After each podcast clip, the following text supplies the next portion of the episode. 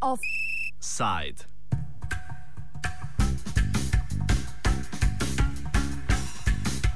V Skopju so v noči iz sobote na nedeljo oblasti porušile šotore protestnikov v parku Bristol, ki so varovali tamkajšnja drevesa. Po odstranitvi šotorov se je začela nočna sečnja, ki je botrovala v pustošenju zelenih površin.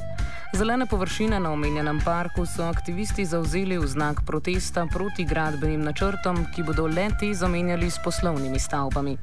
Aktivisti so svoje šotore postavili 31. julija, sedaj jih ni več, prostor za tako imenovano urbano mafijo je odprt.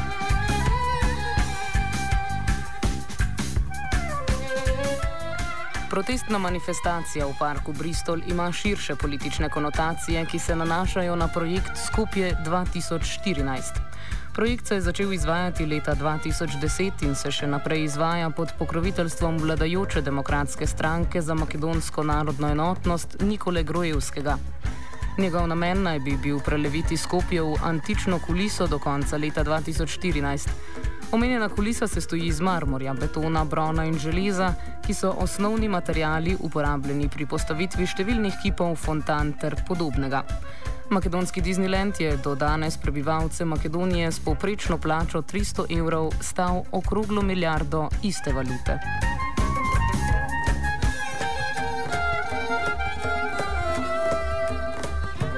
Več o včerajšnjem dogajanju in reakciji vlade ter demokraciji v Makedoniji pove Zdravko Saveski, družbeni kritik. Kad so sekli uh, drve, drvja uh, pred dva dana, bilo, bilo so, bili so tamo uh, dva desetak aktivista koji su bili uh, sredne, sred noći tamo da spreče moguću sečnju drva ali e, i oni su bili tamo а, надлежни луѓи, полиција и слично, су нив отстранили на лице места и су почели сецити дрва. А, они су то урадили у, у сред, сред ночи, да што мање луѓи протестују а, око тога и су забранили излаз а, а, граѓана од а, околних зграда да излазе да протестују таму. Јучер, кад е била сечна дрва, власт не е реаговала, али сада е веќе завршетото, така да кад е требала, власт е реаговала, рекао бих и мало нас, насилнije, јер е избацила из простор активиста да да непречено сечи сече дрва. И то каже да имамо велики проблем со ароганција власти у Македонија, јер власт е тотално глува за за протест граѓана. Они имају своју волју и свој циљ и они су спремни да све ураде да тај цил оствари. А, то исто тако каж, каже да Македонија има сериозан, озбилан проблем со демократију, јер не само за, за неких нијанса демократичности, него со суштини суштина суштина демократија јер луѓи кои не е, владу oni su sigurni da će vlada sada i u buduće upotrebiti sva sredstva, sredstva da svoj cilj ostvare, a to definitivno nije zakon. Nacionalni projekt Skopje 2014 je za Saveskega problematičen na trih nivojih. Ima tri razloga zašto je veoma problematičan Skopje, projekt Skopje 2014. А, прво, тој е а, из естетске и урбанистичке гледне точке а, веома проблематичен проект, а, али два друга разлога су ве, а, више проблематична. А, други разлог е што тој е едно национални проект, а Македонија е мултинационална земја. То значи да то буди национализам и код македонаца и код албанаца. И треча трети разлог зашто е то проблематично е што е антисоцијален проект. Неке предпоставки говоре да цели проект влада е потрошила негде милиарду евра за за све зграде и споменике од тог проекта. И, и то, то се догодило у истом времену кад се кад се крату социјална права. Под претекст да нема пара у нема новац у буџетот. И луѓе се питају како то да има па, пар, новац за за те скупе објекти, а нема пара нема новац за социјални случаеве. Така да то су три те три разлога кои кои луѓе нервирају око проекта Скопје 2014.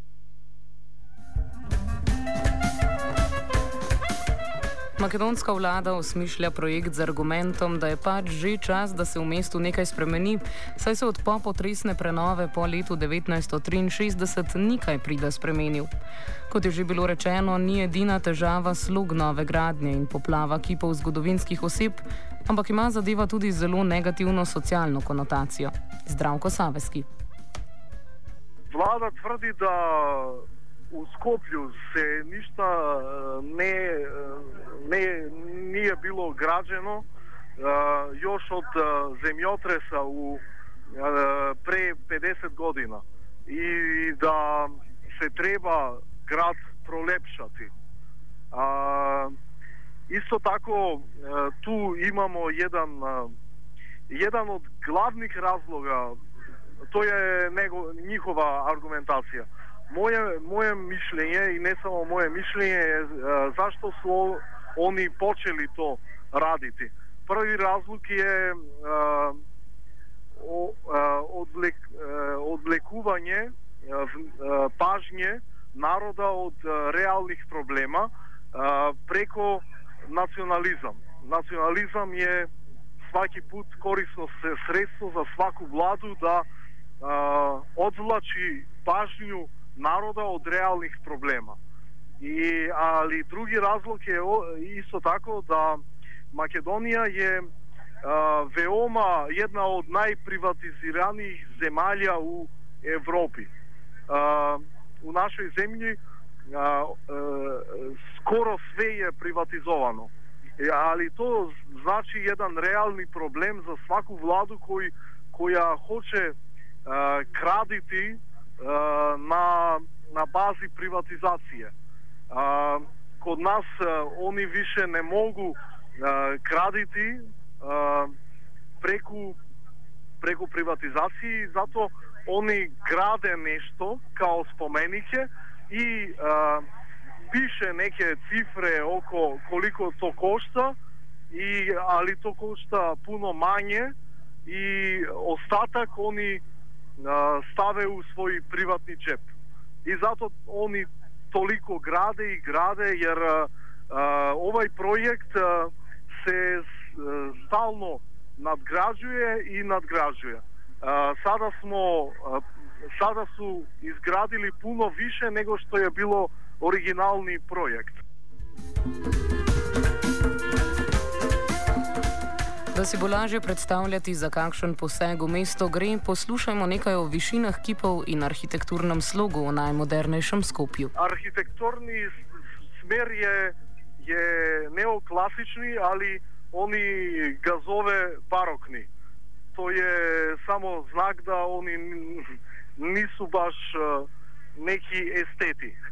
A ličnosti koji uh, se grade su из uh, античке Македонија, као а, Александар Велики као Филип II, негов отац, а, онда из периода Илиндеског устанка а, и а, и скулптуре су спомените су веома велики. Например, споменик Александар Великог е околу 30 метара, а, а сви споменики су минимум 10 метара високи и су пуно виши него све спомените кои су биле ранije граđени у Македонија, што е, е типично. Е, пре, пре пар година сум био у, у Кумровцу и видел сам е, споменик е, Тита тамо.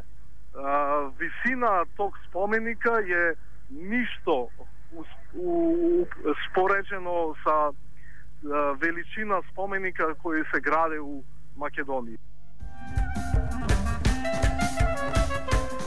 Za konec pa še šala, ki kroži po Skopju.